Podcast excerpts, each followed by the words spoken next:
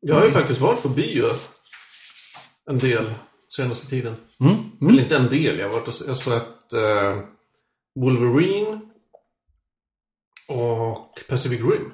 Mm. Jag... eh, Två plus filmer båda två skulle jag säga. Mm. Ja, det är ett bra tecken. Godkända men... Alltså nej. Inget att se om. Nej, inget jag ser om. Verkligen inte. Jaha, Nej. vad trist. Jag, jag har varit i Spanien. eh, Som alla vet, som lyssnar på podden. Det är Ivan som pratar nu. Ja, det är Ivan som pratar. Hej, jag är tillbaka. Yay! Hej och välkommen tillbaka! Tack! Ska vi köra en, in, en slags intro kanske?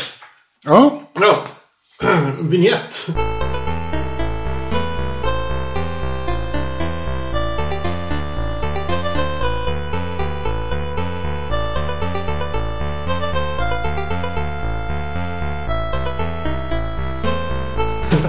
Ja. Du. Ja, nej men vi är ju Fackpodden. Och det här är det elfte jävla avsnittet.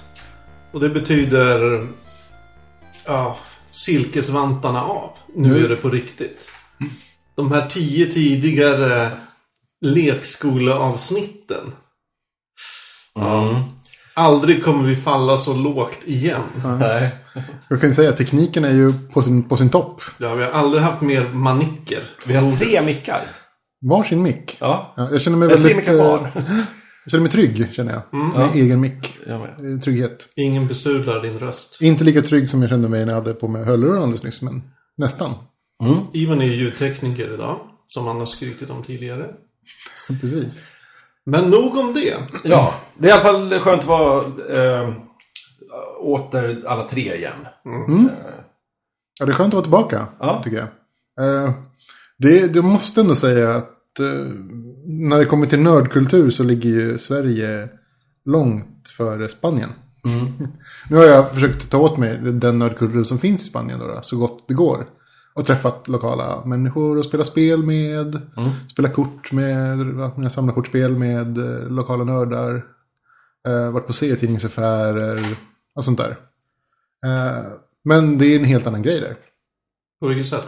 Mycket svårare att, att, att träffa folk, Ja, helt klart. de är inte lika utåt och sociala. Eller typ. Jo, alltså det, det är de absolut. Men det är inte, de har inte lika lätt för sig att, att, liksom, att ses allihopa. Mm. Det är inte lika uppenbart. Det finns, inte- alltså, kulturen är inte riktigt lika cementerad. Så att, eh, man, man, liksom, man ser någon kanske gå, gå omkring med liksom en, en, någon tvåbarnspappa med en Dragon Ball Z-t-shirt. Och då vet man att ah, han har väl antagligen kollat på Dragon Ball Z när han var ung. För det gick i Spanien liksom, på 80-talet. Eh, men det är jättesvårt liksom, att i något annat sammanhang träffa den personen än att de bara går förbi på gatan. Det är inte så att man ser dem i en, i en serietidningsaffär eller liksom att, man, att det finns något event eller någon, någon pryl som händer. Liksom, sådär. Eh, Gör inte det? Eller var det bara inte så när du var där? det kan ju vara att det var bara så när jag, alltså, det kan, alltså att det var när jag var där så att det inte, att det inte fanns något. Eh, jag vet inte. Men hur funkar det i Men det, Sverige? det kändes svårare liksom att, att, här, att bara komma i kontakt med folk. Jo, internet är inte riktigt... Jag tror det är det. Det kanske är det. Det där kanske är där det ligger. Internet är inte alls lika stort som det är i Sverige. Det är inte lika utbyggt och, och Inte lika utbrett. Fiber finns inte. Nej, det finns inte. Men användandet, absolut. Alltså, det är det som är det stora. Användandet är alls, inte alls lika stort. Nej. Nej, nu, jag jag var ju också nere i Spanien och eh, det var ju stora skyltfönster med ADSL, jättestora bokstäver som sålde internet. Och det är kanske på den nivån det är. Ja, det är väl lite så. Alltså, om man tänker sig i Sverige hur man gör så är det väl så att man går in på Facebook och kollar. Så ser man liksom att det är massor med events på gång. Ja. Typ så det händer grejer. Det är så här, ja, men här händer det här och här är det här. Och liksom, du vet, Doctor Who-träffar för de som gillar Doctor Who. Eller liksom något, ja, vad det nu ska vara. Liksom, någon flashmob som försöker få ihop folk. Eller något, eh, ja, något gäng som ska träffas och dricka öl. Liksom, sådär. Det, man, man säger det, man behöver inte ens liksom känna folk för att det ska komma liksom förbi ens väg. Men när, när användandet inte är lika stort eh, så, så blir det svårare att komma i kontakt med folk. Alltså utan sociala medier så blir det väldigt mycket svårare. Jag har ju fått intrycket, eh, jag har inte rest jättemycket i Europa, det kan jag inte säga. Men jag har ju fått intryck av att större delen av Europa är ju internetmässigt u-land. Alltså jag har varit i Bryssel, där var det liksom så undermåligt bredband. Så det gick, det gick ju inte att skypa till exempel för det var för dåligt bredband. Och samma sak på olika ställen i Spanien. I, mina brorsdöttrar bor i England och där är det också uselt bredband. Så det är ju som, de har den typ av bredband som vi hade var, ja, för tio år sedan. Liksom. Nästan tidigare. De kör ju Ja. fortfarande ISDN liksom, i Spanien. Ja, Det är nu när typ 3G-mobilnätet håller på att breddas ut som att liksom, det har blivit stort. Men, men då tar de ju ut de ockerpriserna som de, som de kan. Här i Sverige får man ju liksom med ett abonnemang gratis internet på en, på en telefon. På hotellet eh, där jag var så då, då, hade vi sjukt snabbt trådlöst internet. Men det kostade ju också. Då, ja, det var ju säkert 40, 40 euros för sju dagar eller typ att man kanske betalar tre dagar för två, 20 euros eller någonting. Eller så kunde man betala liksom en euro för en halvtimme. Men det, så här, det, var, det var verkligen dyrt. Jag, jag tror nog det är det. Det, det, ja, det är väl det jag skulle tänka mig. Man, man kommer i alla fall inte förbi det lika ofta. Eh, Så kände jag. Mm. Och nu var, här i, om man tänker i Stockholm, även innan internet blev stort, fanns det ju ganska naturliga nördknytpunkter. När tradition låg i Sturegallerian till exempel. det var ju alltid så här äh, lappar med typ, saker som hände. Jättemycket lappar. Och, och, och till varje lördag träffades man och spelade Magic i butiken och sådär. Och på science fiction-bokhandeln var det också massa lappar och, och grejer. Men du kanske bara inte hittade de här äh, det de knytpunkter som fanns. Det, kan, det kanske var så. Eh, nej. Eller så är det inte lika, alltså, det är inte lika accepterat att vara nörd i Spanien som det är i Sverige. Det kanske inte är där det är coolt att vara nörd som vi har här. Alltså de har ju ändå den här, äh, alltså äh, serieteckn... Det, det, har ju, det har ju gått... Ser, alltså de läser ju mer serietidningar än vad man gör, vad man gör i Sverige. Eh, Helt klart. Mm. Det, det är en, en äldre kultur liksom. Det har, det har funnits jättelänge och det kommer från det franska. I Frankrike så har ju serietidningskulturen varit väldigt stor ganska länge. Eh, sen Frank Quinn och Tintin liksom. Det är ju typ 50-tal nästan. Ja, Tin Hergé började väl på 30-talet. Ja, och Frank Quinn började väl på 50 tror jag. Och de har ju varit jättestora. Och de liksom drog ju den här franska serietidningsvågen. Och där, har, där drogs, i alla fall norra Spanien där jag brukar hänga då, kring Barcelona-trakterna. Eh, drogs de drogs ju med jättemycket det. Så att mina, jag vet att mina, mina kusiner läste ju väldigt mycket mer serietidningar. Eller hade tillgång till mycket bättre och fler serietidningar än vad jag hade. Utan själv var man ju tvungen att liksom gå till specialbokhandeln här i Stockholm. Och typ köpa sina serietidningar i en brun påse liksom. Ja, jag, jag hamnade i någon liten diskussion, eller diskussion, men vad är det jag försöker säga? Jo, Johannes Klenell, eller vad han heter, som är chefredaktör på Galago. Han, han eh, twittrade igår, tror jag det var, eller om det var i förrgår. Om det här med att fortfarande i, i Sverige så är serietidningar något ganska suspekt. Och att det inte var så länge sedan som det fanns en, alltså på riktigt en, en rörelse inom serieskaparvärlden som ville att det skulle kallas sekventiell konst istället för serie. Fan vad. Ja, så jävla bajsnödigt. Och det är lite där äh, kalla städare för lokalvårdare. Sekventiell konst. Ja. Och, men den rörelsen dog ju. Men att eh, även när vi var små så var ju att, så var serietidningar, det var så extremt låg status. När man var över typ 12 så skulle man ha växt ifrån serietidningar. Ja, som, som tur var för, kände jag i alla fall, eller har jag känt att det har liksom det har förändrats i den takten som jag har växt upp. Det har, har aldrig riktigt varit så här eh, jätteaccepterat. Men det har inte varit helt konstigt. Jag har inte blivit liksom ansedd vara eh, vet du, det, efterbliven, eller man ska säga, typ ut, utvecklingsstörd för att jag gillar serietidningar. Nej. Vilket var ju typ, jag vet att liksom min syster nästan råkade ut för. Så här, oj, du måste liksom vara lite bakåt. Oj. Så här, inte helt utvecklad liksom, för att du gillar det här fortfarande. Vilket är jättekonstigt. Ja. Johan Vanlo, heter han så? Han skrev också, han skrev också något om det här. Och eh, han säger förr, ja men när vi var små, då var ju serie, för att vara vuxen och läsa serietidningar var det ungefär lika skämmigt som höll på att komma med en porrtidning. Att det, räknades, det var liksom bara skräp. Det var liksom dåligt, dåligt, dåligt att syssla med det. Medan att det nu kanske bara räknas som i allmänhetens ögon som ja, en lite ful kultur. Mm. Men det har inte den här nu är du, du måste vara lobotomerad för att gilla det här. När jag var liten så läste jag ju så... Var ju, då läste jag verkligen bara de här eh, vanliga barnserierna. Liksom, så här Klanka Bamse och sånt där. Men när jag väl blev lite mognare och kanske i tonåren någonstans. Så då insåg jag, då, för då fattade jag som att det finns svenska serier och sådär. Att, att, eh, ehm, Galago fanns väl också då. Alltså det, det fanns en puttrande liksom, eh, seriekultur i Sverige. Som, som, massor med se- det fanns svenska serietecknare som, som man kunde, jag kunde bli en. Jag kunde bara skicka in någonting. Så här. Det, var så, det, det kändes så här, en helt ny värld som öppnade sig. Och jag vet inte hur mycket så, sånt eh, det är nu heller. Jag vet inte. Det det, jag menar, svenska serier finns inte kvar. Jättetråkigt. Mm. För det Det känns som själva att, serietidningsbranschen har ju problem. Ja, Det är, om man går till Pressbyrån och kollar, vad finns det? Det finns typ Kalle Anka, någon Spindelmannen, kanske, Det finns ju lite sådana här uh, som är kopplade till olika leksaker. ja, ja. men typ Bratz med Z och allt vad de heter. Witch. har du läst senaste numret förresten? Av Bratz? Nej, Nej, inte jag heller. nej, det har jag inte. Nej. Ja, det skulle väl vara liksom i klass med det, antar jag. Alltså det är väl det som liksom motsvarigheten om någon vuxen liksom, skulle sitta och läsa Bratz. Mm. Utan bara, ja, man, precis, det är ungefär den reaktionen man skulle, man skulle tänka sig.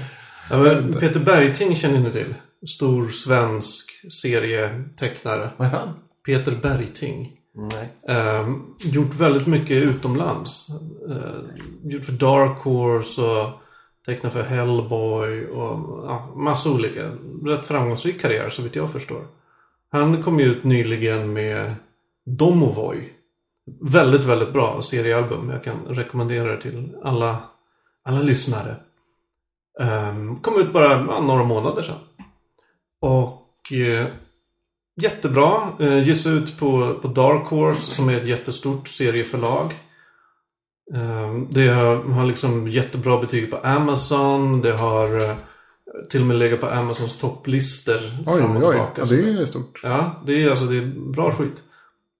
Men inget svenskt förlag vill ge ut en svensk översättning. Det är, de är inte ens intresserade.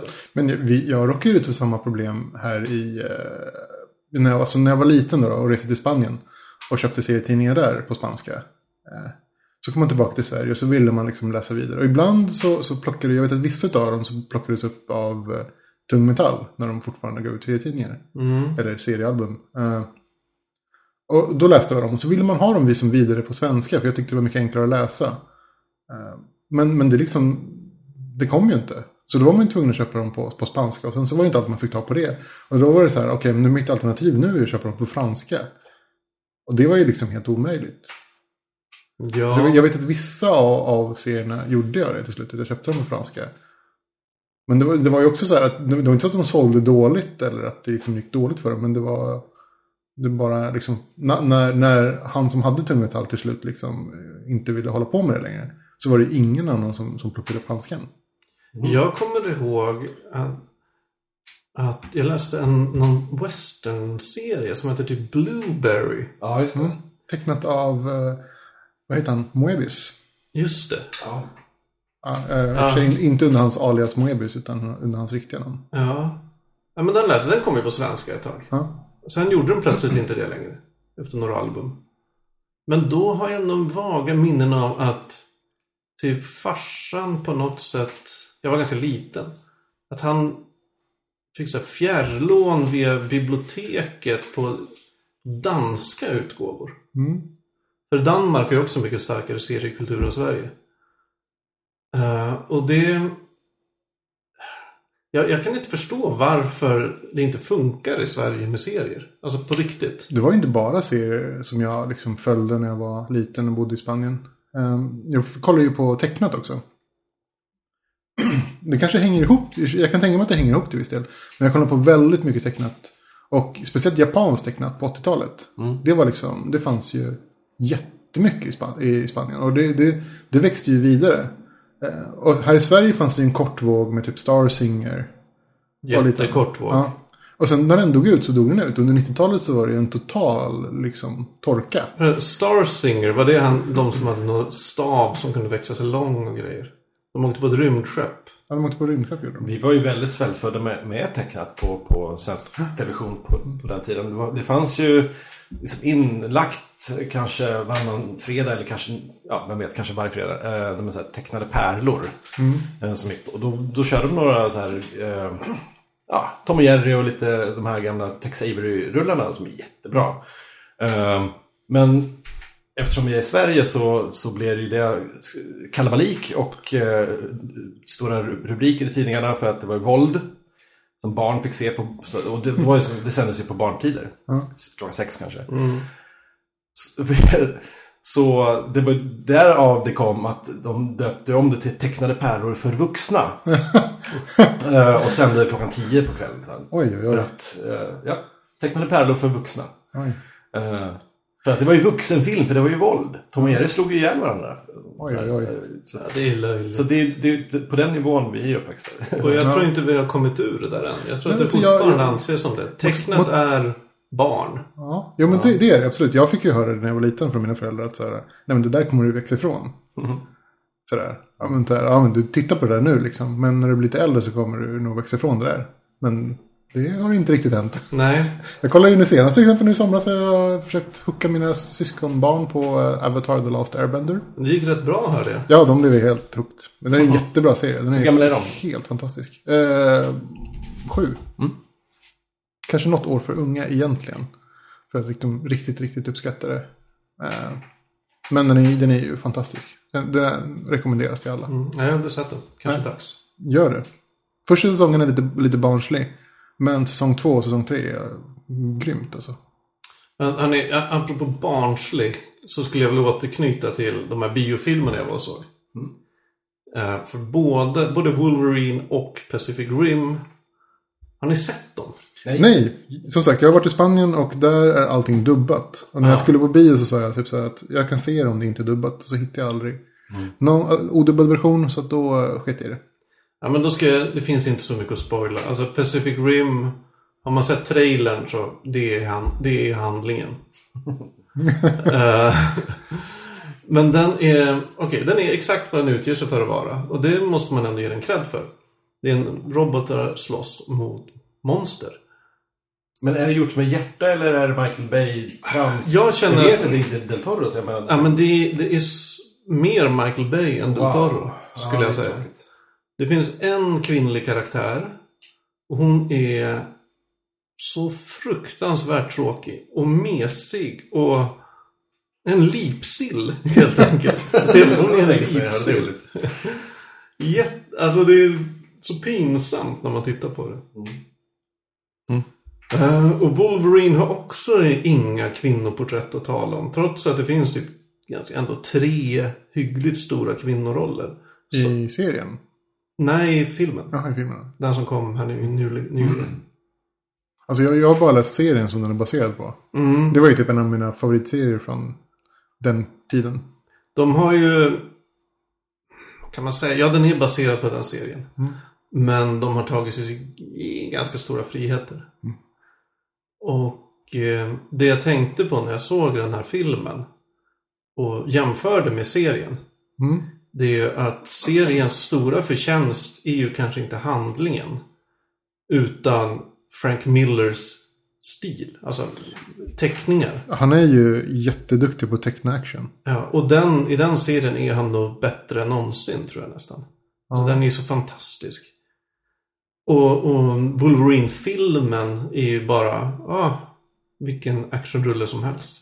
Som råkar ha Wolverine med. Alltså. Och det är, ja, det är mycket, ja, men det är mycket tråkiga gre- grejer med den. Som att han, han får aldrig riktigt vara Wolverine. Han är... Wolverine är ett badass. Och här är han, han Fast, han förlorar varenda strid han är med i. fast så var det ju i serien också. Jag kommer ihåg att jag, jag, jag tänkte mycket på det när jag läste serien. eh, Det var det många år sedan nu. Så att jag vet inte om jag minns rätt. Men jag, jag tänkte mycket på att liksom. Att i serien så är det som att. det byggs upp en stämning att om han liksom blir den Wolverine han brukar vara, typ så hans badass liksom lite, så, släpper loss liksom djuret, så förlorar han på automatik. För då tappar han liksom ansiktet. Och då, Ja. då är det kört. Men de, den aspekten finns inte i filmen. Okej. Så här är det bara att han är, han är dålig på att slåss helt plötsligt. Jaha, nej för det, det kommer jag ihåg att det var verkligen så här att det var liksom så här. Det, det hämmade liksom. Mm. Eller, fast det var ju medvetet på något sätt att liksom. Han kunde inte vara sig själv, han var tvungen att liksom. Ja, vara någonting annat. Och sen till slut så, så slutade det med att han blev det och sen så liksom lyckades han ändå. Men då förlorade han tjejen istället. Spoilers. Han fick väl tjejer? Nej, han fick ju, nej inte, inte, ju, inte vad heter hon? Eh, Maki. Mako. Hon fick, ju- han fick ju Yuki. Marie. Marie. Han fick inte Mariko, han förlorade ju Mariko. Där. Jag kommer inte ihåg. Och Men, fick, men han, han, han drog med Yuki, eller Yuki drog efter honom. Eller hur det var. Yukio. och det är ju också så här, de båda stora kvinnorollerna är bara externa projektioner av Wolverines inre kamp.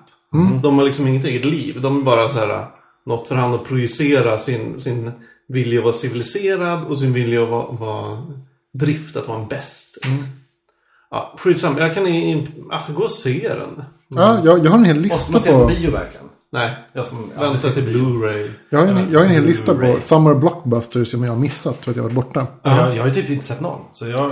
Få höra listan. Eh, Pacific Rim, Ja, jo, den har jag avhandlat här nu. Man of Steel. Jag säger till om jag har sett någon. Man of Steel är dålig. Ja. Eh, Now You See Måste inte ha en recension på den. Måste jag inte? Jag trodde det var hela grejen. Ja, ja, men vi kan testa. Men Och se vad, vad du tycker. Ja. Eh, Now You See It. Eh, inte sett. Nej, Wolverine. Mm, den pratar jag om. Ja, Elysium. Har premiär i övermorgon. Ja. World War Z. Den har jag inte sett. Men! Får jag säga en rolig sak som ni kanske redan märkt. Ja. De, eh, de utannonserar ju den nya Doctor Who häromdagen. Mm. Han är Peter Cavallari eller vad fan är det? Cavalli? Nej, jag kommer inte Jag ihåg. vet inte vem det är. Eller, jag, Man, det, han är som man känner igen honom när man ser ja, honom. ja. Eh, och i World War Z så spelade han eh, en, en World Health Organization doktor. Ja, roligt. Ja, ja. Det blir ju Doctor Who igen. Vad roligt. Ja, det är tur. Ja, men fortsätt din lista. Uh, After Earth. Jag såg och jag kan inte rekommendera den. Eh, Monsters University Inte sett. och Kick-Ass 2. Den har inte haft premiär i Sverige. Okej, ja.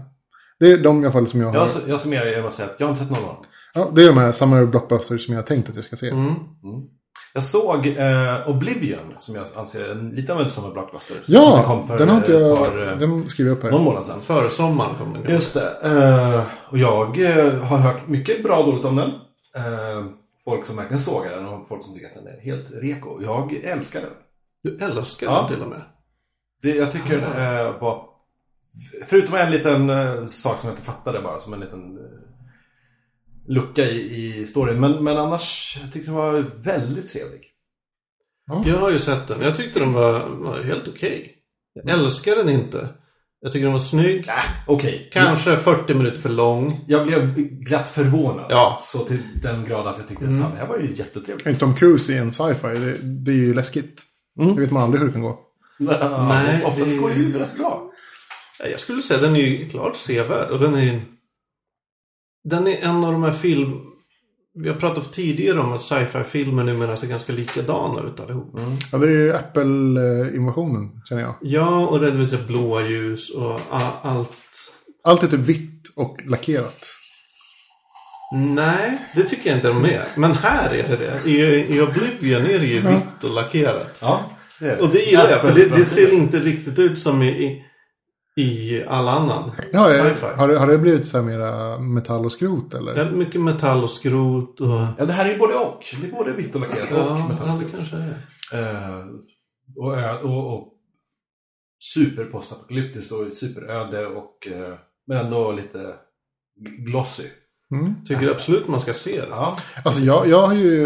Eh, min, min fru är ju inredningsarkitekt. Så att jag, jag, jag har fått helt nya ögon nu när vi, när vi tittar på Star Trek tillsammans. Okej. TN- TNG då eller? ja, TNG, nej, bo, alltså, När bo, kommit fram till... vi, nej, vi kollar ju på TNG just nu igen. Men vi har ju kollat på eh, Voyager och vi har kollat på eh, ja, Mm. vet du, Enterprise och Mm. hela. Okej. Ja, Vad roligt. och vi har kollat på alla filmerna. Ja. Ja, men hur som helst, det jag skulle säga var det här med, att med, med inredning och, och vet du, sånt. Så, så hon lägger märke till jättemycket till hur inredningen ser ut och vad, vad det är för olika typ bestick och, och liksom vem som har designat så, tallrikar och, och liksom så här, så då, då kan man liksom följa den här fut- futuristiska vet du, designvågen som har gått. Eh, eh, per, per årtionde, liksom, beroende på vilken, vilken Star Trek man kollar på. Men det här borde ju hon skriva något då.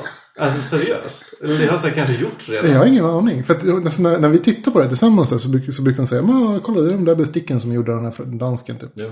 De var typ aspoppis på, de var typ skitstora på 90-talet. Min Och då kollar vi liksom hålla på, med på kanske The Next Generation som gjordes på 80-talet. Jag skulle absolut vilja läsa om det. Och så kollar vi på så här, ja men det, ja, men det är den där fåtöljen som den här killen har designat. Eller typ så här, men det här och så bla bla. Som så här, om man kollar på ljuset här, och typ, nu har de börjat med infällda spotlights. Det, det är så här, Jo, är de, så här, de kan ju bara uppfinna saker till en viss nivå. Sen är det ju att de, de plockar ju snygga saker. Ja, ska de, de plockar ju saker som ser lite framtid ut. Ja, liksom. Och då är det ofta liksom någon, någon dansk eller någon, någon Ja. italiensk designer som har designat någonting som ser lite så här, woo, Ja. future. Spännande. Jätteroligt. Det har inte jag tänkt på. Jag har ju nästan alltid tänkt att ja, men det är väl props gjorda för... Det är, Men det är klart, det, Det är de gör ju det. inte egna bestick. nej, det så här- är jättemycket som är, som är liksom, eh, liksom design från alltså nutids, alltså den tidens design. Jag skulle vilja ha, ser, seriöst, att hon skriver en artikel eller en lista eller någonting. Ja, vi kanske det. kan ta en... Tänk er bara den lobbyverksamheten som sker bara kring bestick i filmer. Av bestickföretagen som, som Ja. typ så här, Ja. säljer in bestick till film. Alltså, det är så- bara den lilla detaljen. Om man kollar på exempel på Voyager som gick, eller Voyager som gick i många år. Så ser man liksom hur, hur design, alltså det, det förändras liksom inuti. Vilket inte borde kunna hända. Nej, egentligen inte. Men man, man, folk lägger inte märke till det. Liksom. De är i ett nytt rum och det är ett nytt rum. en som har gjort med Men, men, men hon, kan ju säga, hon har ju sagt typ så här, men den där gjordes ju typ så här senare än vad den där. Typ så här. Man, man ser liksom att det förändras. Liksom. Så i Star Trek-fiktionen så finns det en stor retrovåg. De gillar att använda design från Men det är ju slutet av 1900-talet. Det där skulle jag vilja prata lite om. För att- i alla de här Star Trek-filmer, alltså, eh, eller alla framtidsfilmer, när de refererar till populärkultur så refererar de ju alltid till saker som eh, pre-2012. Eh, det finns ju inte något så här, de, de refererar till någon band som var populärt år 2050. Ibland gör de ju en sån här Men grej. även t- 300 år i framtiden så lyssnar de fortfarande på Stones och tycker att det är kult. Ja. Det är så dumt.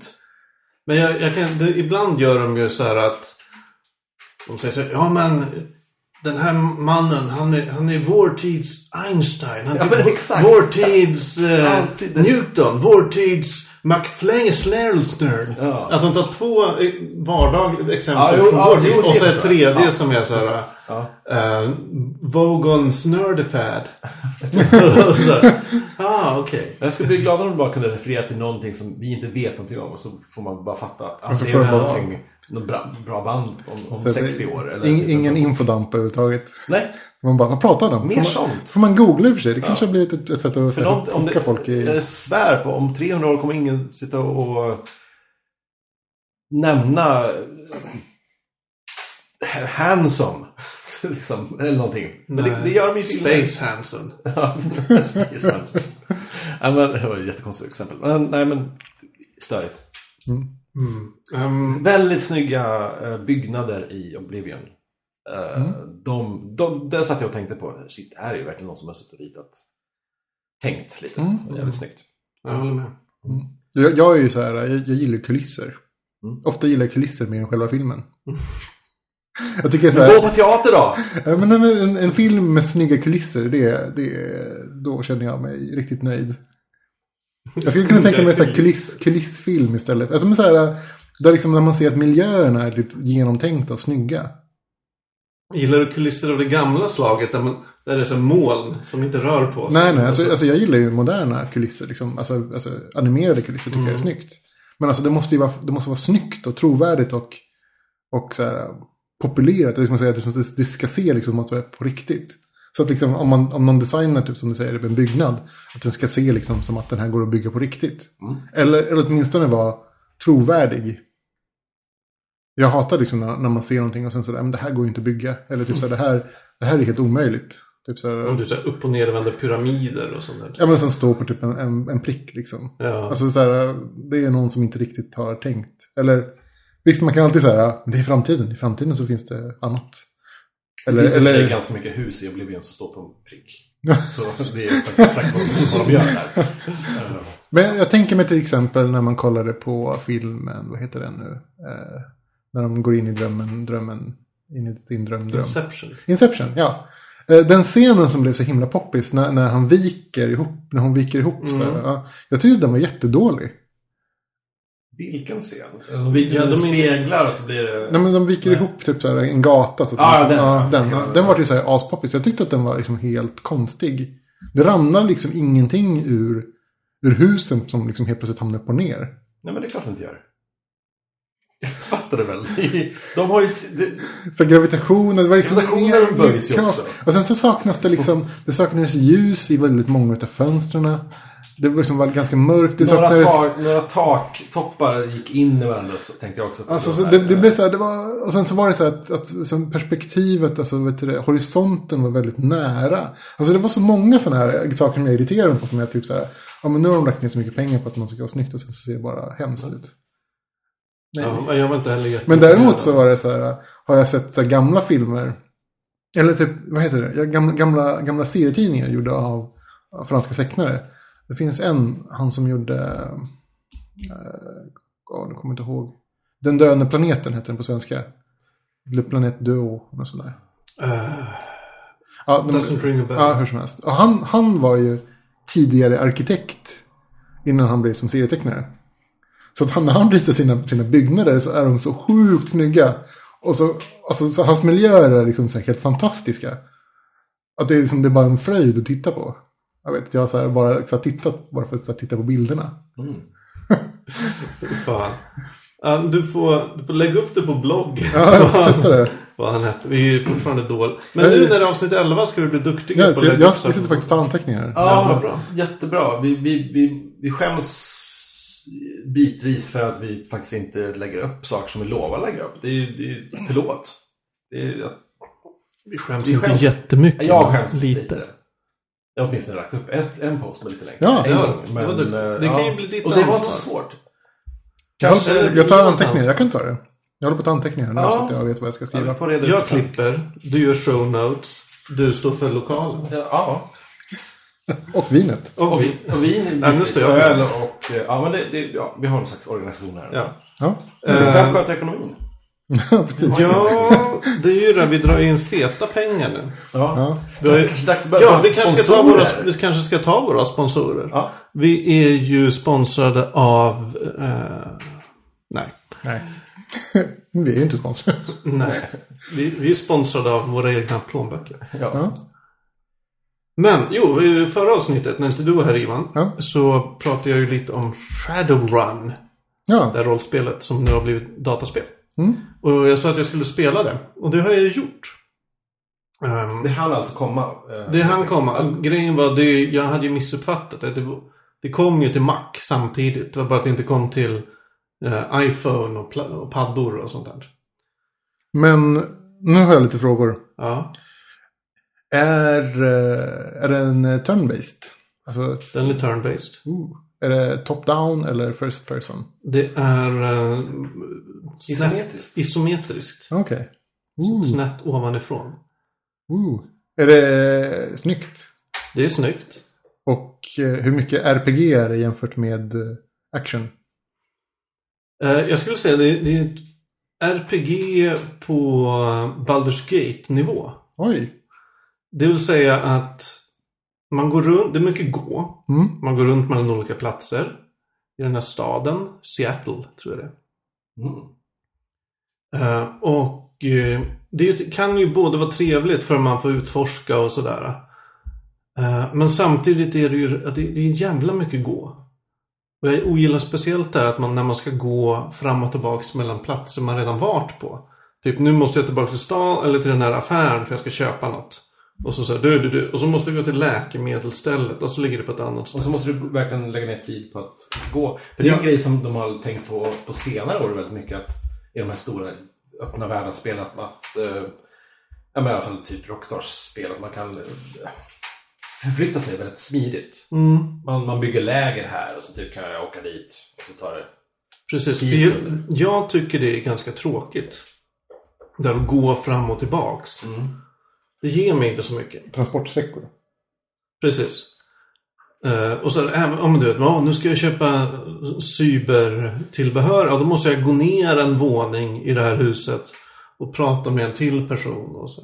Heter bara parentes, inte spelet Shadowrun Returns. Shadowrun Returns Ja. heter det. Det. För Shadowrun är ett gammalt SNES-spel.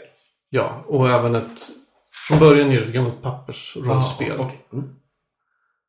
Ehm, men det kan man ju köpa så här. Och sen ja, när, när det är Baldur's Gate så är det också väldigt, mycket text att läsa. Mm. Alla dialoger är ju på te- i, i, alltså text. Eh, det är mycket info som kommer i text.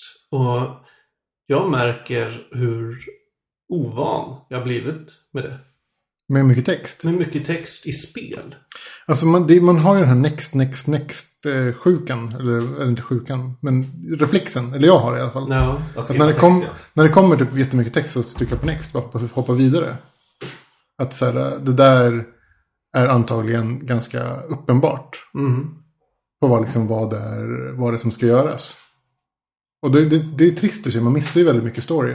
Det är trist. Och de nya spelen har väl försökt mildra det med att liksom ha voiceovers. Som läser all text. Mm. Den Som man här, sällan kan klicka ifrån. Ja, fast det blir också, man nästan vill klicka från dem också. För att det blir nästan för jobbigt med, med voiceovers också.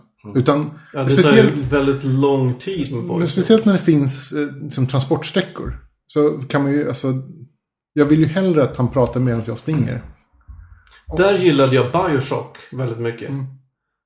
Eh, att eh, ja, man kan sätta på den där kassetten, eller vad är det man hittar. Mm. Och så springer man, du, du, du, så pratar han med när man går runt och snuskar. Och så. Det är jätteskönt. För det är det, alltså, visst, alltså att göra en sak i taget känns lite...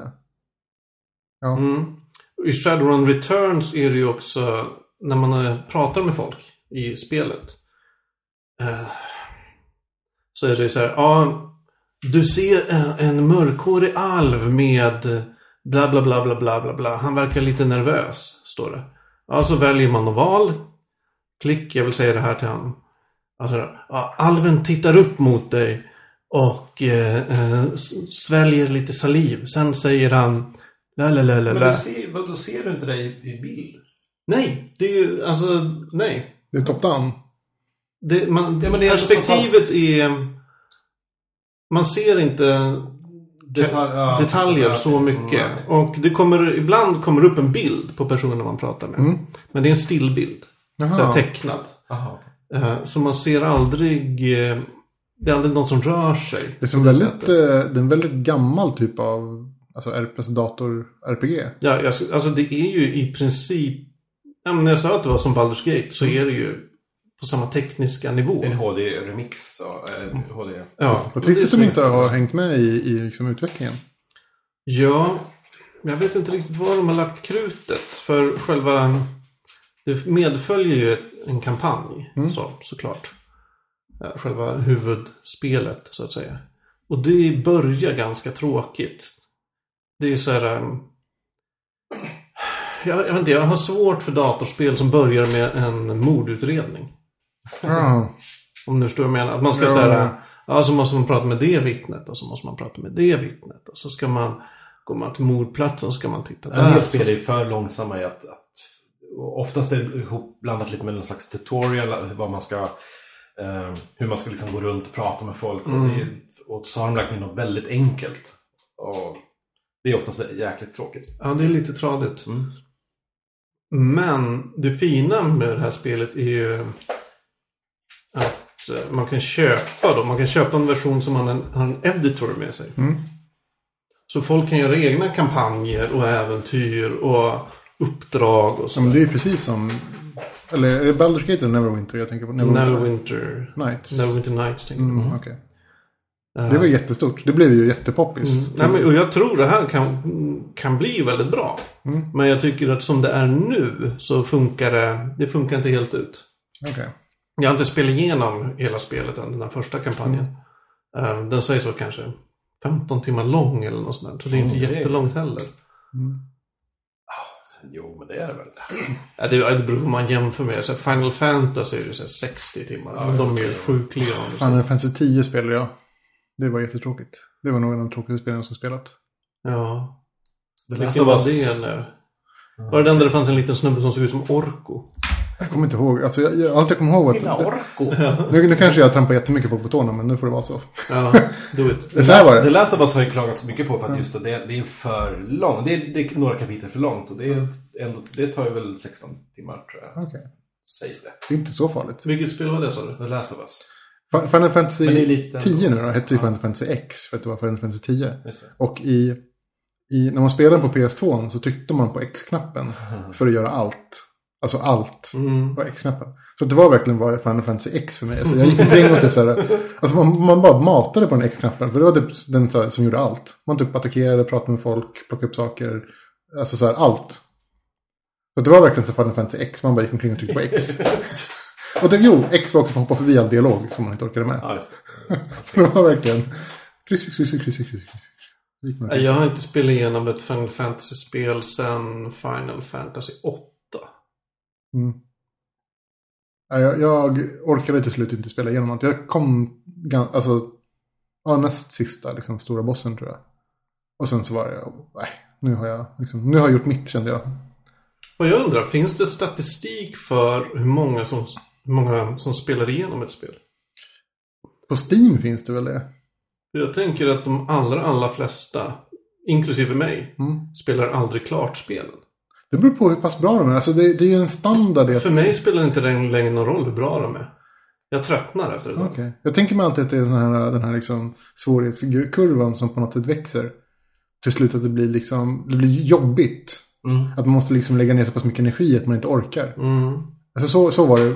Så har det ofta blivit för mig. Att det är så här, okej, jag kan klara det här, men då måste jag först ha lite tur och sen liksom mangla det här hoppet tusen gånger tills jag, tills jag nailar det tre gånger på, rad, Mm. på raden. Liksom. Jag spelar klart de, de flesta spelen. eh. Men det, och även fast de kanske inte är jätteroliga så vill jag ändå liksom Mm. avsluta någonting som jag börjat på. Det senaste som jag, nu har jag äntligen haft tid att spela när jag var på semester. Har jag spelat eh, The Cave. Ja. Ja, det var Du har i jättebra. alla fall en PS3 där nere. Nej, Nej. jag spelade den på, på, på en PC. Ja. Jag tog med mig min jobbdator för jag var tvungen att jobba på min semester lite grann. Trevligt spel. Ja, det var det sugigt för att min jobbdator var inte så bra så att det laggade lite. Så att jag var tvungen att alltid hoppa lite i förväg och så här, bromsa lite i förväg. Och, så där. och det är ju plattformsartat Mm. pusselspel. Eh, där i och för sig plattformsgrejen inte är så jätteviktig. Så det var skönt, så att jag slapp liksom Ja, det är, göra det hoppet tusen gånger. pusselbaserat. Mer pusselbaserat. Ja.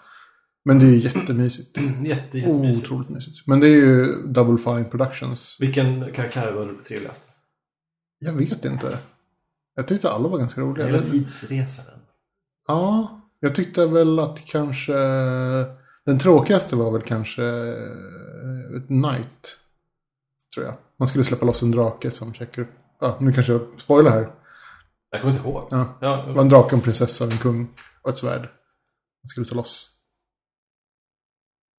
Ja, jag tyckte det var, det var ganska Jaha, okej, jaha, Knight. Ja, Ja, nu, nu ja. fattar jag. The Knight. Sorry. Eh, Riddaren. Riddaren, ja. Det var nog tråkigaste. Men det, det är ju, alltså Double Fine är ju superduktiga. Mm. Det är det är ju alltid roligt. Och det är kul. Även om man till slut liksom fattar deras humor. Att skämten blir lite förutsägbara och ja, men det är fortfarande ganska roligt. Det gjorde att pusslarna kanske inte blev så jätteutmanande. Det var väl aldrig så att jag kände behov av att googla liksom. Jag tror det var något ställe där jag verkligen... Som var lite ologiskt. Okej. Det, blir- det, ja. det blir sådär man... Man, Det var ju samma man kämpar som... på. Man vill ju inte googla. Men till slut Mm. så blir det som, ändå som att... Ska jag kämpa på och lida i två timmar till eller ska jag ta mig förbi det här? Då brukar jag Ja. googla. Det är samma som, vad heter det? De gjorde Monk Island. Mm. Alltså det klassiska skämtet som, som var liksom en del av pusslet var det här. Man, man träffar någon uh, huvudjägare som vill ha ett huvud. Och sen så har man typ en, en pamflett där det står typ How to get ahead in marketing eller något sånt där. och så ger man honom den och så blir han typ så här, åh, är det så här man gör? Så. ja, men det var så här, ja, det, Åh, man- Men det är liksom så här, hur lätt var det att klura ut? När man var tio år gammal och Nej. försökte liksom, med så hackig engelska försökte fatta. Ja, gud. Uppslagsboken låg bredvid. Liksom. Ja, det var... Jag körde ju aldrig de äldsta Monkey Island-spelen. utan Jag började ju någonstans med The Curse. Som var det här tecknade, animerade. Ja, eh, var trean. mer. Ja, trean. Jag körde aldrig ettan och tvåan. Ehm, Tvåan var mitt första. och sen har jag kört om ettan och tvåan då, fast i de här HD-versionerna istället. Mm. Jag Med kom- lite kommentatorspår till och lite sånt där gottis. Ja, de är ju sjukt roliga. Ja, Det är de. det är de. Mm. Men gud vad mycket ordvitsar jag missade när jag spelade igenom de första. Ja. Alltså man kunde, jag kunde ju inte... Norm... Alltså som vid något tillfälle ska man använda en apa för att skruva upp en mutter eller något sånt där. Mm. Och jag, alltså Monkey Wrench, det var ju ingenting som existerade i mitt, hu- i mitt huvud överhuvudtaget. Jag fattar ingenting. Jag bara, "Ja, okej nu gick det, funkar det här. För så sitter man så och testar alla kombinationer och allting. Ja, till så. slut. Ja. Ja.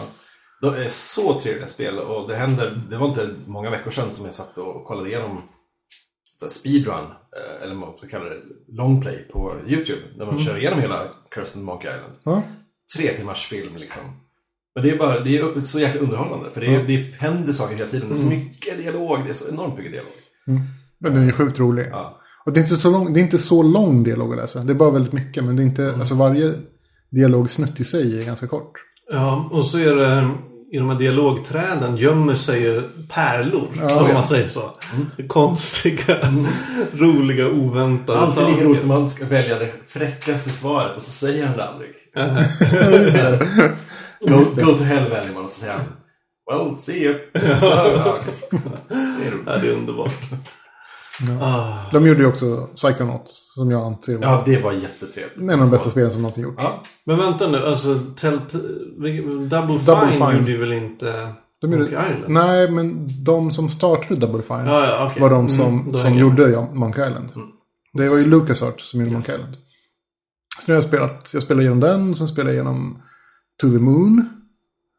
Som var fantastiskt. Det är indiespel. Eh, to the Moon. Rekommenderas. Det är egentligen, så som jag har förstått det så var det här äh, en, en mod till ett annat spel.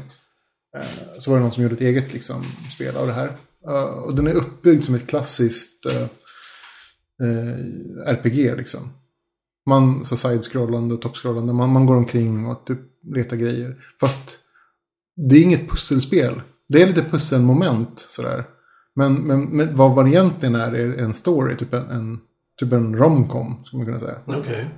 Den, den påminner väl, den närmaste jag kan komma till är väl liksom att man skulle kunna se det som en förlaga till, eh, till eh, vad heter det? Uh, Eternal Sunshine of the Spotless Mind. Mhm. Det är typ det det är. Basically. Eh, Helt fantastiskt. Och spelas igenom kanske fyra timmar, tre timmar. Det är lagom tycker jag. Ja. Och Numera tycker jag det är lagom. jättebra story. Alltså så, här, så att jag fick en tår. Så att jag fick en tår i ögat på slutet när, liksom, när, när det slutades. Så fint var det. Åh. Jättebra. Spelslut. Det är Ja. också ett ämne. att prata om. Fantastiskt spel. Ja, det är det faktiskt. Helt klart värt att, att spela. Eller kolla på longplay. Varför inte? Ja, ja. Ibland Precis. känner jag att det är så jag vill. Därför ibland är det värsta med spel i själva spelmomentet. Att behöva spela. Alltså just, Ja. just i det här spelet så skulle jag säga att liksom själva spelet, momentet i sig är inte så intressant. För att det är, inte, alltså, det är, inga, det är inga pussel som är värda liksom, besväret. Och det är inga, det är inga så här, svårigheter som man möts. Och det är inga val som liksom, påverkar någonting i någon större bemärkelse. Nej, Det får ju inte vara för svårt som man, som man tröttnar. Och det är en jättefin det är en fin väg där att gå. Här, här är det ju så, det är jätte, jätteenkelt. Men man drivs vidare av nyfikenheten för att veta vad det är som händer liksom i storyn. Mm. Jag gillade jag- ju jättemycket Mirror's Edge, men körde fast någon gång. Och det här var ju många år sedan. Eh, och nu har jag börjat spela om det, fast på, på Easy. Verkligen för att så här, ja, men, jag skiter i att det ska vara svårt eller så. Jag vill bara ta mig igenom det och se vad som händer. Då kanske man kan kolla på long, longplay. Ja, det kanske man säkert kan. Fast där, ett sånt spel är det väl mer roligt att spela det kanske. Ja. För det är ju mer prestationsbaserat än storybaserat. Är det inte? Jo, det är det ju. Nej, men jag, jag tyckte att To the Moon var helt fantastiskt. Ja. Faktiskt.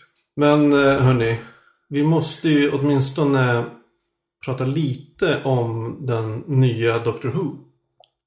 Alltså jag inte, jag kollade ju på de tre första säsongerna. Ja, Tills hon, den första tjejen, försvann. Rose. Rose. Var det, var det två eller tre säsonger? Mm, minns inte rakt av. Kan varit tre. Peter Capaldi.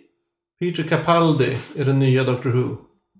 Yes. Ehm, äldre man, 50-årsåldern kanske? Ja, Jag vet Ja. inte hur gammal, 60 däromkring. ser belevd ut. Eh, mustasch. Skönt att de har en lite äldre doktor. Ja, ser, ja. Ja, de är ganska unga nu. i- Se, Han har ett intressant utseende. De har Ja, det har han. väldigt många gam, äh, unga doktorer nu på sistone. Det är kanske för att de ska ha liksom en slags love interest med sin medföljerska. Men det är ju det de inte har haft. Okej. Det är nästan aldrig riktigt, i varje fall aldrig från doktorns sida, har det inte varit någon love interest.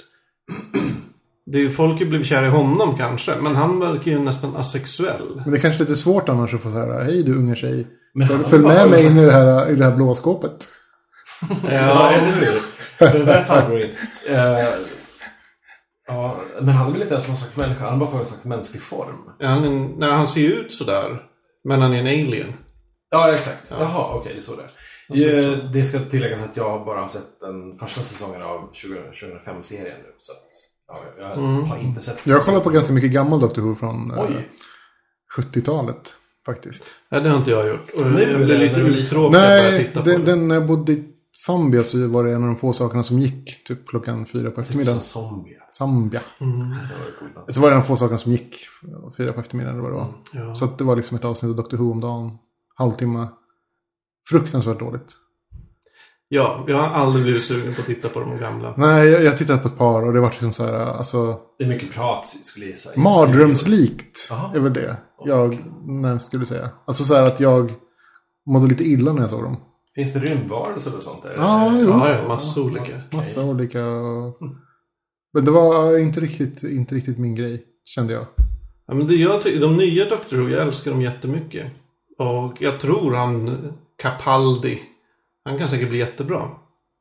Men jag har nästan jag har alltid känt att det är kompanjonerna som är... Det, Stjärnorna eller? ja, men lite så. Ja. Det är väl de som har någon slags utmaning. Ja. Och jag Doktorn tycker... har alltid varit, vad jag förstår, så här neutral och ganska eh, ja, opersonlig, nästan lite kall. Ja, nej, fast så är det nog inte längre. Nej, okej. Det, det, tror, det har de övergett i sådana fall. Ja, just det. Nej, nu kan den vara väldigt känslosam och sådär. Eh, nej, men det intressanta, jag tycker de har gjort det väldigt fiffigt. Eller väldigt, det har varit väldigt uttänkt med kompanjonerna just. Mm. I den första säsongen, då var det ju Rose. Mm. Och det börjar med att hon är, ja men så här, har gått ut skolan, eh, Mm. bara nu gått ut gymnasiet eller vad det kan vara. Eh, motsvarande engelskt. Hon har ingen bra jobb, hon har liksom inga bra betyg, kommer inte in någonstans. Har så här, ja men liksom, ja, hon kommer att ha sitt förortsliv. Mm. Och så här, ja men vad ska jag göra med mitt liv? Mycket sånt grubbel. Och då kommer doktorn och liksom bara sveper med henne i den här fantastiska eh, Äventyret. ja, äventyret. Det fantastiska livet. Lite som en slags eh, resa till Thailand. Ja, men, ja, men på, ett, på ett sätt liksom en sorts intergalaktisk tids... Eh, globe backpacking. Liksom. Ja, men, så här, du vet. Man har slutat i gymnasiet, man har tråkigt, vet inte vad man ska göra. Absolut. Och då, tänk, då, då tror jag, jag är övertygad om att de tänkte så här. Eh, vi, vi castar den här tjejen, vi lägger upp det på det här sättet. För att vi vill locka kvinnliga tittare. Det är jag övertygad om. Att det var så här, så här vi vill nå den här dem, demografen eller vad fan det heter. Och det gör vi så här.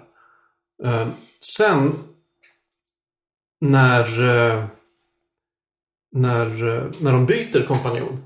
Nästa kompanjon är ju, jag kommer inte ihåg vad hon heter. Men då är det... Fan gör ni? Jag slutar vinka åt varandra. Ja, Ja. Eh, nej men då har det gått ett steg till. Då är det en, en kvinna, igen, alltid kvinnor, som har, hon har ett bra jobb. Hon är färdigutbildad, hon är läkare, har ett bra jobb och sådär. Eh, men hon är alltså, trivs inte med sitt jobb. Är det, så här, är det bara det här jobbet? Är det bara här är mitt liv nu? Sådär. Var det Amy- Amy Pond eller? Nej, det här är hon, den färgade tjejen. Ja. Ja. Martha. Ja men det var hon som, som precis kom in när jag slutade titta. Ja. Ja, hette hon Martha? Jag kommer Nej, inte ihåg. Och då återigen kommer doktorn in och så här, sveper bort henne. Eh, och då tänker jag så här, de som började titta 2005 och var, och var, de här, och var Rose. De har under de här tre åren eller vad det blir hunnit bli Martha. Alltså den här, är det bara det här jobbet? Ja? Är det det här livet är liksom? Och sen kompanjonen efter Martha. Det är ju eh, hon yrkeskvinnan som hållit på ett tag. Donna heter hon då i, i filmen. Hållit på ett tag, är lite äldre ändå. Och är så här eh, mer, ja, jag kommer aldrig träffa en man. Jag kommer, det är så här, ja hur ska jag ens träffa någon i den här eh, London-hetsen. Så. Och, och då kommer doktorn så här och ger henne ett alternativ. Nej, men du kan följa med mig på de här fantastiska äventyren istället. Eh, och sen kommer ju Amy Pond och, åh, vad heter han, Rory. Mm. Och då har de gått ytterligare ett steg. För de är ju gifta. Eller de är ett par, Pond och Rory. Jaha. Eh, så så jag, jag tänk, jag, man anar att det är så jävla uttänkt. De har gjort- Målgruppstänk hela De gjort tiden. Så här. Exakt samma sak i Avatar The Last Airbender. Till det. Där har de ju... Eh, när man börjar kolla så är, så är han kanske tio år. Tror jag. Eh, Avataren. Eller ja, det är väl den åldern jag får känslan av. Och då är allting ganska barnsligt liksom. Och sådär, ja, liksom lite löjligt och sådär. Han leker och har, roligt för det mesta. Sen så, så går det ju en säsong per år. Och i sista säsongen så har han ju precis blivit tonåring. Och då är han liksom, då, då har nästan, då har det liksom utvecklats en love interest i serien. Eh, som inte fanns med, som inte ens var, var så här snack om i början. I början var de liksom så här eh, barn som lekte med varandra. Och sen slutet så är de liksom, som på gränsen till tonåringar och börjar liksom så här, tänka på relationer och vad de ska göra. Och nu i nya serien som heter då The Legend of Korra. Som kom kanske två, två eller tre år efter att Avatar slutade. Då är de ju tonåringar i 15-årsåldern. Och då är hela historien liksom eh, tonårsångest och liksom så, så här, kärlekstrianglar och vem gillar vem och gillar han mig eller gillar så, här, så här, liksom hela den grejen. Det är intressant för det, det, det, det är inte tvunget att bli så. För det är tecknat. Det är animerat. Så de, de kunde lika gärna som, som, som andra serier bara köra. Ja, men typ Simpsons- i limbo. Precis, göra den där limbo-grejen. Men, och, sen har vi ju som typ Harry Potter. De måste liksom göra en grej av så här, för att uppenbarligen De hade i ju- böckerna. I böckerna, de hade, hon hade ju inte behövt göra det. Nej, nej. Det skulle ju kunna vara, hon Men skulle de ju- hade verkligen behövt det i filmerna. Men, I filmerna, absolut. Men hon skulle kunna göra det här... Eh, Hon kanske ja, men fem äventyr per, per termin. Skulle hon kunna ha gjort. Ja, Alltså så här. de kanske visste att det fanns någon filmrättigheter där bakom. Så att de liksom för- Nej men där, är- där är ju verkligen ett bra exempel. Harry Potter. Hur de, om man jämför första boken som är en, en bok för typ nioåringar. Skulle jag säga. Med den sista boken. Som är en bok för kanske 19-åringar. Mm. Alltså tanken är väl att man ska väl läsa en bok om året. För att det är ju så den är liksom upplagd. Men det, då, Avatar är ju precis samma sak. Det kanske är så med, med, med Doctor Who. Jag tror det. Jag tror att det har varit en faktor i det i alla fall. Är det därför nya Doctor Who är en gammal gubbe? Jag vet inte, men den Men de som har senaste... följt Doctor Who från början då? Ja, men de är ju typ tusen år gamla det det, det är deras barn som har tagit över nu. Ja, så är det ju. Ja, nej, jag vet inte vad tanken med den här gamla gubben är. Faktiskt. Men den, jag vet bara att den senaste kompanjonen, Clara, eller Carla, eller vad fan heter hon? Hon, när de introducerar henne i mitten av säsong 7. Så tänkte jag, hon, hon är för snygg för att vara med i en brittisk tv-serie. Nej, men, hon, hon, hon är så snygg att det liksom skär sig med, med, hela, med, med hela serien. Att det är så här, oj, här kommer någon, någon från, uh, fan vet jag, OC. Nej, men det är Gossip Girl. Ja, därför om, man- om man tänker så här, uh, Rose. En ganska så här girl next door tjej liksom. Fulsnygg. Jag tyckte hon var skitsnygg. Nej, Men... men hon är snygg, hon är inte ful. Ja, och, och sen kommer Martha. Visst, hon ser bra ut. Men så här, de ser bra ut på ett va- vardagligt sätt. Så. Och sen Donna som är lite äldre och så här, in, inte vacker skulle jag säga. Och sen eh, Amy Pond och, som då är, hon är ju väldigt snygg. Men ändå trovärdigt snygg. Nej jag vet inte, jag känner jag är ute på halis och börjar bedöma folks utseenden. Jag ska sluta det. Men jag, jag känner en viss... Ytlig du är, alltså. Ja, så jävla ytlig. Seriöst, jag är så satans Ja, ytlig, du skulle bara veta. Men det skar sig i alla fall mot, mot, mot serien. Ja, det tycker jag. Det, kan, det kanske, hon hade kanske ett väldigt eh, amerikanskt utseende, ska man kunna säga det? Att hon var liksom eh, snygg på det här polerade Hollywood-sättet. Ja, exakt så är det. Och att det skar sig mot liksom, den engelska serien. Som Mm. är lite, den är ju lite sunkig. Tycker jag. Alltså monstren är, monstren är ju lite, lite fula. Och fjompiga. Och allting ser ju lite B ut. Ja, framförallt, du har nog sett de första tre säsongerna. Ja, då... s- Det är ju det är inget så här, jag blir, jag blir inte imponerad av, av liksom deras cineastiska förmåga. Nej, det blir man inte. Men jag skulle säga för varje säsong så märker man ändå att oj, nu fick de ett par miljoner till i Ja, budget. de, de klämmer ju in lite mer CGI varje säsong. Det har de gjort. För den första säsongen var ju, ju ganska bedrövlig. Hur den ser ut. Ja, ja. Det, Det är ju kunna säga. väldigt mycket dåliga dataeffekter. Ja, Och sen ba, det, är bara... mycket, det är mycket så dåliga masker och så dåliga typ så här, dräkter. Ja. Det är mest det. Och det försvinner allt eftersom. Ja, vad skönt. Jag undrar ju om, för den har ju blivit ganska populär i USA, går på BBC America och sådär. Mm. Så jag, jag undrar om de nu måste, att det liksom, de måste fakturera in det. Att nu, vi måste även ha lite USA-anpassningar. Vi måste tänka på att det ska kunna slå i staterna. Måste vi nu ha en, en snygg brud med liksom? Eller Ja. en, klass, sån traditionellt fotomodell snygg brud. Det behöver inte vara staten, det kan vara liksom som att de kanske insett att den här serien har en stor nördfollowing över hela världen. Och det ska gå att sälja i Sverige och i Brasilien och liksom ända hela land. Men den har ju, de, ingen i Sverige köper ju in den. Den har ju gått på TV4 Science Fiction innan de la ner det. Nej, okej då, men... Ja. Det är det här Sverige och den styrmodliga behandlingen av Dr. Who för vuxna kommer sen. Ja. Ja, precis. Alltså det är mycket folk som tittar på Doctor Who i Sverige. Jättemycket. Fast den går ju inte på någon kanal. Nej, Det borde ju... den går på Netflix. Ja, i och för sig. Jag tänker att någon borde kanske eh, liksom märka Mm. att, den, att mycket som folk som tittar men den går inte. Det kanske är värt att visa den ifall det är mycket folk som tittar. Ja, jag undrar om- tv-bolagen tänker så. Eller tänker de då så här, ja, nej, nu är det för sent. Det För känns de, kan, de kan ju inte haka på så här, ja men vi köper in säsong 5, den som kommer nu. de har gjort det med typ Game of Thrones till exempel, visar ett år efteråt. Ja, och det är ju uselt. Ja, alltså det har ju funkat har jag förstått. Men där, att det kommer ett år efteråt, det är bara av rättighetsskäl. Ah, Okej. Därför då är det så här, äh, avtalen som jag förstår det är, först måste äh, det som förut var Kanal Plus och som nu heter C More, de är liksom först i kön. Ja, måste de visa det. Och sen, m- sen när det har gått klart där, då ska det gå någon annanstans och sen får SVT visa det. Så. Ja, det är jävligt dumt. Alltså det är mycket folk som har börjat titta på Game of Thrones i Sverige för att det har gått på tv. Mm. Har jag förstått. Ja, det tror jag. Absolut. Och samma sak med Girls. är ju mycket folk som har börjat titta på för att det går på tv. Och att det är som så här. Visst, här i Stockholm och liksom, som så här, håller man på med media eller är intresserad av se- tv-serier så, så följer man ju saker oavsett om de går eller inte. Mm. Eh, men men alltså stora allmänheten tänker jag kanske inte riktigt är så. Utan de bara hört talas om det här stora nya feta som är, man borde se. Men det kommer aldrig. Sen till slut kommer det och då får man liksom se det. Så kan det vara. Det är ju så väldigt lätt att se sig själv som normen. Ja. Det är så väldigt, väldigt lätt att hamna där. Nej men det är klart, alla, gör, alla köper de här betaltjänsterna. Alla, det, det, det. Alla, alla de er serier. Livestreamar inte den där grejen? Men det är så, jag skulle veta hur många, hur stor procent av Sveriges befolkning som kör, har Netflix.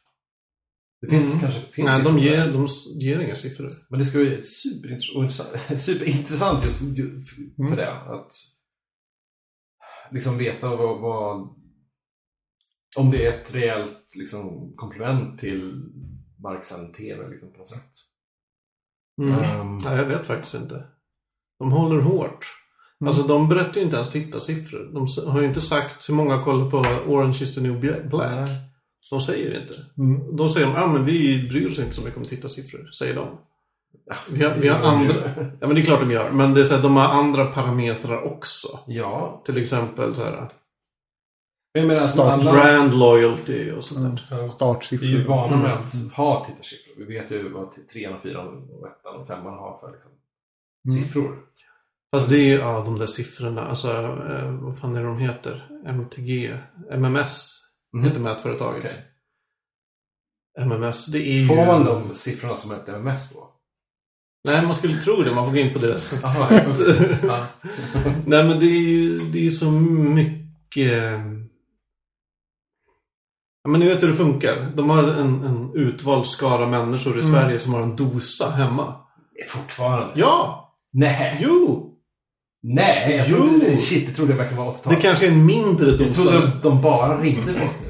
Nej, inte vad jag vet. Frågade, såg du på Allsång igår? Nej, de har en dosa. Nej. Det är jag övertygad om. ja, ja, okej. Alltså senast jag hörde för något år sedan var det så i alla fall. Känner hon, hon, jag har aldrig talat om någon som någonsin haft en Nej, dosa. men det är ju så väldigt få. Det är ju, det är. Det är ju precis så många att, att, de, att det kan räknas som så här, statistiskt tillförlitligt. Det, tusen? Tusen pers kanske. Ja, 1200 eller vad fan är det? Ja. Det ska vara en procentandel av antalet Och människor i om, Sverige. om det är som det var förut så är det ju, man får anmäla sig själv. Jag minns fast- inte om det är så. Men man, man får i alla fall så här, tacka ja. Och då, och då är en viss typ av människor som tackar ja. Så här, de kanske Ja, de som har en TV som är kompatibel med Dosa, men när, man, när du vill se stream... När du vill se SVT Play via, via din app. Som Ja, men det, räk, det, TV. det räknas inte. Nej, det räknas inget. Nej, precis. Och det vill se... eh, Alltså, det känns ju jättekrångligt. Ja, nej, jag är inte jätteövertygad om det. Nej. Nej. Tittarsiffror känner jag är... Man ska inte stirra sig blind på dem. Nej. Jag tror det. Anledningen till att tv-bolagen gör det är ju att de säljer annonser på tittarsiffror. Just. Alltså måste de stirra sig blinda på det. På samma sätt som webbtidningar måste stirra sig blinda på antalet jo, de, klick. de mäter ju för verkligen... det är affärsmodellen liksom. De mäter ju per minut. Eh, liksom. Eh, så här, det här segmentet för fem minuter sedan. Liksom, det, så här, nu förlorar vi titt- tittare. Mm. Ja, Usch. det är helt för... Men eh, ja, vad har du för förhoppningar om nya doktorn? För att, för att återkoppla Ja, till... Jag ska ta mig igenom de, de, de tre innan också först. Så, så jag, Gör, alltså, det är Hoppas så, han är- det är så, du har ju hela David Tennant framför dig. ja, Den mest fantastiska av doktorer. ja okej. Du måste titta på det. Eh, jag har ju förhoppningar på att det blir awesome. Mm. Men, eller jag hoppas det, men jag förväntar mig inte att det blir det. Nej. Jag tycker de senaste säsongen i alla fall, sista säsongen har blivit, det håller inte samma mått som det gjorde förut. Alltså jag, jag är glad att Doctor Who har blivit populärt. Tror jag. Ja, det är nog. För jag tycker att alltså, sci-fi sett så är det liksom en, en, liksom en stepping stone vidare. Mm. In i typ sci-fi. Det, det här är liksom barnvänligt och kul att titta på. Liksom, tilltalar väl ganska mycket människor. Det är Absolut. många som kan se det här liksom. Och till, man kan titta på det som ganska liten, det är inte så läskigt. Men eh, så det är kul att man kan få liksom, gå vidare in i sci-fi. Men, men sci-fi, alltså så här, sci-fi sett och liksom, tv-seriesätt så, är det inte så här. Jag är inte så jätteinne i Doctor Who. Nej, det är synd. Det borde det vara. Förlåt. Ja.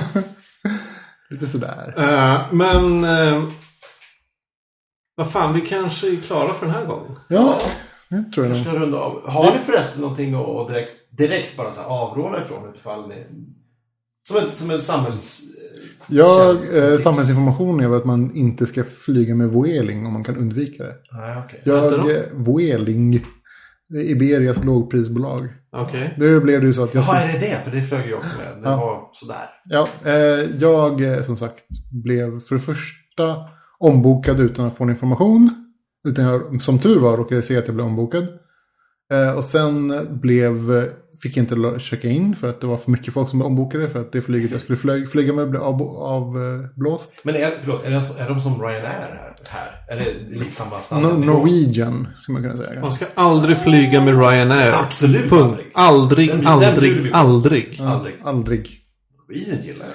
Ja, de här är väl, alltså när, de, när, när det gick att flyga så var det en ganska trevlig upplevelse. Eh, men, men det var ju så att det tog liksom ett dygn innan jag fick flyga. Efter att jag hade bokat biljett. Ah, lite. Sova över på Arlanda, i och för sig på ett hotell. Sådär. Arlanda är fint så här tid som Ja, och så om man vill börja sin semester, en, en natt på är Bra Arlanda. rum, schysst utsikt. Ja, eh, nej. Bra rum, ja. Schysst utsikt, nej. Eh, men nej, alltså det var ju inte, det var inte så man ville börja semestern. Med liksom sitta i telefonköer och bråka med folk och, och vilja, Nej. vilja åka men inte få. Så nej, undvik. Ja, Undvik, vad sa du att de hette igen? Vueling. Vueling. Ja. Hur stavar man ens? Nej, jag trodde inte det var spanskt. Men Det är spanskt. Jag trodde det var tyskt. När jag åkte med dem. Jag skulle, jag skulle ju kunna tänka mig att... att eh, jag- kan ju inte avråda från att tappa bort... För jag, jag var ju av utan, med, jag var utan eh, bagage eh, i fyra dagar av sex. Eh, när jag var nere nu. För att, eh, men då var det Air Berlin som hade trollat bort min väska. Jag kan ju inte avråda från det, för det är ju inte mitt fel.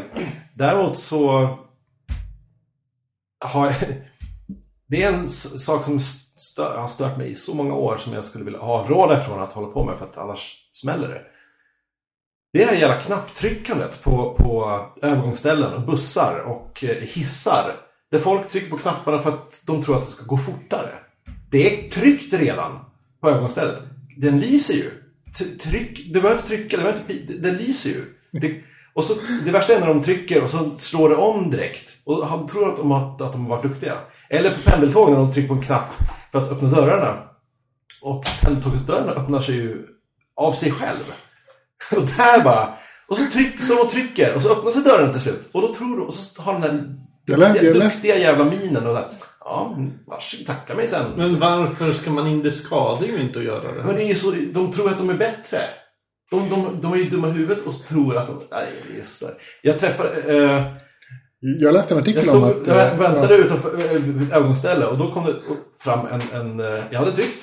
Och så kom det fram en herre och tryckte igen. Och då sa jag det. Eh, jag har redan tryckt. jag, jag kan inte hålla mig. Och då, då sa, han insåg väl att han inte hade behövt tryckt. Men då sa han att ah, det är bara en sån här reflexgrej. Du vet, så, så där som man gör i hissar. Vadå hissar? Vadå hissar? Går det fortare? Eh, Hur tänker du? Jag trycker på stäng dörr. eh, Så här, min avrådan är. Lyser knappen vid ett övergångsställe eller så, tryck inte. Det är tryckt.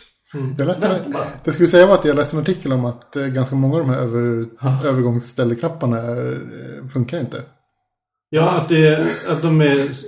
Jaha, det är Eh, fake. Ja, Ja, men att de har Ja, fungerat men ändå, förut. Tryck Alltså- aldrig från början då. Men att de upp, upp, alltså, systemet har uppdaterats. Och då är de inte längre... alltså det, det är så här, så som jag har förstått det då. Det är att förr i tiden så hade de en effekt i alltså övergångsställen. Eh, Men i stora övergångsställen nu för tiden så, så, så sköts det, färg, alltså omslagen efter trafikmängden. Jo, men det gör du fortfarande. Ja, och så då har knappen liksom ingen funktion längre.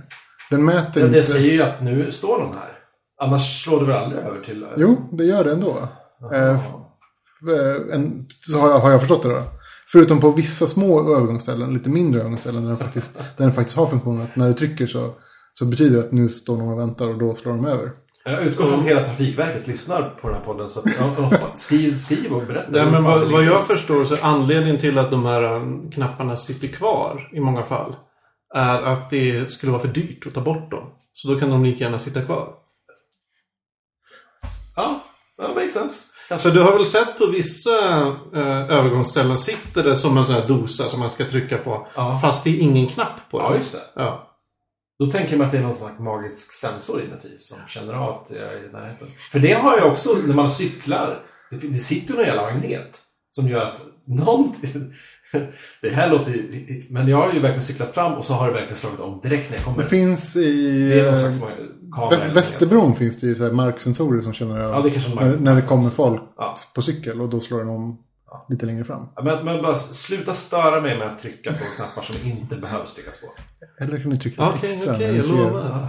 när ni ser Anders kan ni trycka lite extra. Mitt, eh, jag vet inte om det här är en avrådning riktigt. Det är väl kanske en avrådning slash rekommendation eller en, en rekommendation men med ehm, några klausuler. Det finns en podcast som heter Nerdist. The Nerdist. Ja. Väldigt stor podcast har jag förstått. Mm. Och de fungerar på det sättet att de har en gäst i varje avsnitt. Och så Det är ett tv-program också. Jo, det finns som tv-program också. Men jag, det känner jag inte till. Det här är bara podden. Eh, och så intervjuar de den här personen. Och det är ofta nördpersonligheter. Det kan vara J.J. Abrams, George R. R. Martin, eh, namn. Guillermo del Toro. Stora personer också. Ja, Feta alltså. ja. Om man nu bryr sig om hur folk ser ut. Det gör inte du, uppenbarligen. Om ni... Det gör jag icke. Eh, ja, men det, det är så här verkligen intressanta människor väldigt ofta. Men problemet, det finns några problem med det. Eh, programledarna, de är två stycken. Eller det är en, ja, jag har inte riktigt fattat det. Det är typ en huvudprogramledare och så är det, har han två sidekicks som jag förstår det. De är väldigt grabbiga. Det blir väldigt grabbig stämning i de här eh, intervjuerna. Det blir väldigt amerikanskt. Med att alla a- älskar alla. Alltså så här, ja, och så träffade jag eh, Will Ferrell häromveckan. Fantastisk människa. Åh, vad han är bra. Sån talang. För... Och, så, håller han på så. Och alla, även intervjuobjekten. Så här, ja, jag träffade en fantastisk människa. Alltså väldigt, väldigt amerikanskt. Eh, och eh, ja, men det, man får, när de pratar, det är lite som en här reklamradiopratare. Liksom, så. Eh, ibland reklamradiopratare på Valium och ibland bara vanlig reklamradiopratare. Eh, så, så det är så ah, man vet inte. Och sen när det väl börjar bli intressant, när de kommer så här, bli- bli väldigt intressant, lite kanske personliga frågor. Eller börjar bli, de kommer nära intervjuobjektet. Då ryggar de undan. Då drar de något skämt istället för att ställa en följdfråga. Fråga. Ehm, och jag vet inte om det är för att de in, är osäkra själva. Eller för att det är så här, hela grejen är att ja, men vi ska bara ha härligt här tillsammans. Vi ska inte ställa den här följdfrågan om din skilsmässa. Trots att du nu gjorde ett upplägg för att vi skulle ställa den. Men är det, är det, är det äkta nördigt då? Eller är det på feg nivå? Att de är så här, för att ha tittare? Att de inte liksom går hela vägen utan de kör lite trevligt, lite... Jag tror det är lite, ja, lite trevligt i allmänhet. Och det jag känner är väl för att ha behållning av den här podden så måste man eh, alltså vara väldigt engagerad i personen som de pratar med. I mitt, ja men typ George R. R. Martin var, var intressant. J.J. Abrams var intressant. Tina Fey var intressant. Så. Eh, men när det är folk man är så här, nej, jag vet inte, okej den här, känt namn, men jag bryr mig inte så mycket. Eller så här, ja det här vet jag inte vem det är. Då blir det aldrig intressant. Men kanske med platta intervjuer av folk man är ointresserad av så är det väl ganska ointressant. Ja. Så jag, jag skulle säga så här. Gå in på Nerdist på iTunes eller vad ni nu använder. Kolla i deras lista. De har typ 300 avsnitt eller något. Eh, kolla, är det några intressanta personer där som ni vill höra med? Lyssna på dem. Skit i allt annat. Strunta i och så här. Ja, men den här komikern som jag hört talas om en gång. Han kanske jag ska lyssna på. Det blir inte bra. Du måste själv vara, vara investerad i personen de pratar om. Ja, nej, men vi kanske måste den, avsluta det här nu. Absolut. Det här har varit avsnitt 11. Det bästa avsnittet ni någonsin lyssnat på. I Fackpodden. Said no one ever. Eh, och det har varit jag, Magnus Edlund. Jag heter Anders. Och jag som är tillbaka, Ivan Marin Rivas. Ehm, ja, ni kan mejla oss på hej.fackpodd.se. Eller twittra till oss på att uh, fackpodden. Fackpodd bara tror Podd jag. bara. Att fackpodd. Kan också kommentera på vårt avsnitt. Gärna på fackpodd.se. Yes. Nej men ha det trevligt hörni. Hej då.